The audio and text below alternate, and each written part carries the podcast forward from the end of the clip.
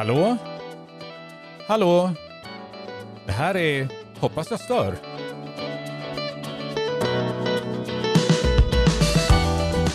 Med Rickard Jensen. Mm, så är det torsdag igen och det är dags för Hoppas jag stör. Jag tycker själv att torsdagarna kommer, de kommer regelbundet och det är ganska skönt. Men jag tycker faktiskt att de kommer lite grann för ofta. Eh, det är torsdag igen tycker jag. Däremot så är det inte fredag tillräckligt ofta tycker jag också.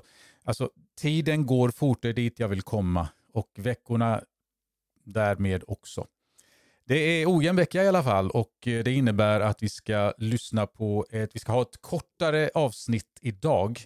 Ojämna veckor är ju kortare avsnitt. Jämna veckor, som du förstår logiskt, är längre avsnitt. Det avsnitt som är inspelat och som ligger nu i startgroparna inför nästa vecka, det är ett sånt där avsnitt som man inte tar sig igenom skrattande. Temat för det är kroppar till salu. Och jag vill ge dig lite grann en så kallad teaser, det vill säga ett, ett klickbete idag så att du inte missar det nästa torsdag, det programmet eller det avsnittet. Eh, det, jag tror att de ämnena där subtitlarna eller eh, underrubrikerna är pornografi, prostitution och trafficking. Eh, jag tror att det är ämnen som vi bör känna till, som vi bör ha en kunskap kring och som vi behöver låta oss beröras av. Och du kommer alltså få höra några minuter som är ett utdrag ur det programmet som du inte ska missa nästa torsdag. Eh, det är Fredrik Sadig och Maria Lindskog som sitter med mig i min lilla hemstudio när vi spelade in detta. Eh, vi satt länge, det blev över en timme långt och ja, det kan man ju tycka är ganska lång podd. Men det finns ju de som har poddar som är två timmar och två och en halv timme och kanske ännu mer utan att nämna några namn. Men längre än så ska vi inte hålla på med en så kallad inledning utan du ska få lyssna på det här under några minuter så kommer jag tillbaka sen och avrundar. Då har jag lite pålyssningar också så stanna kvar. Genom vårt arbete på Nomi eh, i den absolut största majoriteten bland de personerna så har man hamnat i det här i brist på eh, andra alternativ helt enkelt. Det kan vara så att man kommer ifrån ett eh, land som är oerhört socialt utsatt. Eh, det finns en, en ekonomisk utsatthet som gör att man har hamnat i det här helt enkelt för att kunna försörja sina barn i hemlandet. Det kan vara fattigdom på den nivån att man inte ens har möjlighet att köpa mat till dem eller blöjor.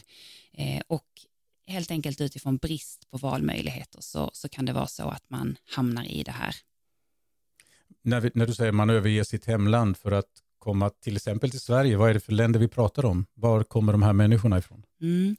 Eh, många av dem vi möter genom vårt arbete ser vi kommer ifrån Östeuropa. Eh, antingen det eller eh, det kan också vara många personer som kommer ifrån Västafrika. Eh, framförallt Nigeria ser vi ett, är ett land som många personer kommer ifrån. Jag, jag blir nyfiken, varför är det, för det är ju ett om, jag tolkar det rätt så är det en handfull länder i stort sett som de prostituerade i Sverige kommer från. Varför är det så? Jag menar det finns ju ett otal länder i, i, i världen. Mm. Precis, Nej, men jag, jag tror det handlar jättemycket om den sociala utsatthet och marginalisering som finns i de här länderna. Om vi ser till mer välbärgade länder så, så eh, finns det återigen då på tal om valmöjligheter mycket mer alternativ för de personerna som, som lever i de länderna. Eh, vilket gör att de då inte behöver hamna i prostitution helt enkelt. Så den sociala utsattheten skulle jag säga är den viktiga faktorn eh, som bidrar till det helt enkelt. Om jag frågar dig Fredrik när det gäller pornografin, vad, finns det någon slags rekrytering utomlands till den också? Eller mm. du nämnde IT innan, mm. behövs inte det längre? Eh, alltså saken är ju den att det finns ju flera samband mellan prostitution och pornografi också. Det är ju det att många som eh, har försökt, eller livnär sig på prostitution hamnar också lätt inom pornografin. De är väldigt så tätt besläktade. Um, så att jag tror att har man väl kommit in kanske i prostitutionen så är inte steget långt att man då även kommer in i, i porrindustrin. Uh, jag vet dock inte hur rekryteringen och så ser ut där riktigt. Du nämnde IT innan och internet som ligger bakom där och den, mm. det gör ju, skulle jag misstänka att den finns tillgänglig i stort sett överallt på en mobiltelefon, på en padda eller, eller via tvn eller whatever. Precis, så är det ju. De senaste 25 åren så har det ju liksom, liksom tillgängligheten har ökat enormt från att ha gått till nästan ingenting. Jag tänker främst på unga då, för det är där jag ser liksom att man behöver problematisera. För dem har det varit väldigt svårt. Jag minns ju själv när jag var kanske 10-11 år. Då var det inte så lätt att komma över pornografi. Liksom. Då fick man ju gå in på någon obskyr bensinstation eller så och leta bland tidningarna. Men sen vågade man ju inte köpa den. Man fick inte köpa den för man var tvungen att vara 18. Och hittade man den fick man gå ut i skogen och läsa Ja, den, precis. Vi hittade ju några stycken. Tyckte vi var jättespännande. Men sen grävde man ju ner den någonstans och så hittade man dem inte igen. Liksom. Det var ju jätte... det var ju inte alls på samma sätt som idag. Nu är det ju något helt annat liksom. Mm. Man brukar tala om eh, de tre A inom, eh, inom pornografin. Eh, accessible, affordable och anonymous. Och för de av oss som inte kan ett ord engelska så mm, betyder det... Jag försöka översätta. accessible är ju tillgängligheten då. Eh, och där kan man ju jämföra med det jag sa då, att det inte är så lätt att, eller det var inte så lätt att få tillgång till det, men nu har det blivit betydligt enklare eh, i takt med teknologin och internet och så som det finns. Och sen är det det här affordable, att det är till ett väldigt överkomligt pris. Det kostar i stort sett ingenting. För har, har man liksom internet så har man tillgång. Eh, det kostar oftast inget extra liksom. Det, det förväntar sig porrindustrin att man kanske sen i vuxen ålder vill betala för eh, dyrare så premiuminnehåll. Eh, men för de allra flesta så räcker det med de här korta klippen som finns. Eh, och det är gratis.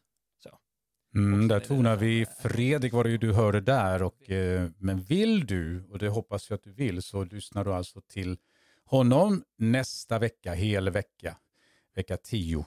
Där, de, där vi tillsammans, jag, eh, Fredrik Sadig och Maria Lindskog, jag var tvungen att tänka till där eh, efter deras namn, så kan du alltså få lyssna eh, till oss alla tre i det här, som jag anser, så viktiga ämnet kroppar till salu. Eh, jag skulle också vilja säga så här. Det finns en möjlighet för dig att komma i kontakt med mig och få eh, i de ämnen som vi då aviserar ganska långt innan så kan du få ställa din fråga, en inspelad fråga som vi tar upp i direkt, eller direktsändning när vi spelar in våra poddar. Eh, det betyder att du ringer till mig eller först mejlar du till en mejladress som du ska få alldeles strax och sen så kan du få ringa upp ett telefonnummer eller jag kan ringa upp dig och så spelar vi in din fråga och sen lägger du på luren och så spelar jag upp din, eh, den inspelningen i vår podd som vi håller när vi spelar in den. Hoppas du hängde med där, det blir lite klyddigt.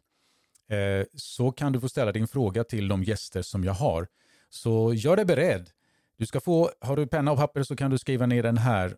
Hoppas jag stor i ett enda ord. Hoppas jag stor snabela gmail eller gmail.com.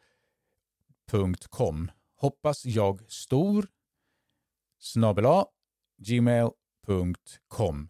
Skriv där att du har en fråga du vill ställa när som helst. Du kan skriva redan nu om du vill utan att ha en fråga. Du kanske vill skälla på oss eller uppmuntra oss. Det är alltid trevligt att bli uppmuntrad, tycker jag. Men vi kan också ta emot tips. Jag kan ta emot tips. Jag säger vi av någon konstig anledning. Eh, jag kan också ta emot tips om hur vi gör den här podden bättre, naturligtvis. Jag har ju sagt tidigare att jag har jobbat mycket med radio, men det här formatet har jag upptäckt mer och mer. Det är lite lite, lite annorlunda än att sitta i en studio eller göra eh, program till hem, vad heter det, eh, närradio och sådana här grejer. Så tipsa oss gärna. Och du får också naturligtvis tipsa om sånt du vill att vi ska ta upp. Om du har en lokal företeelse eller en större företeelse. Ett ämne som det här får vi absolut inte missa. Så eh, tipsa oss, skriv till oss. Hoppas jag stor snabel gmail.com.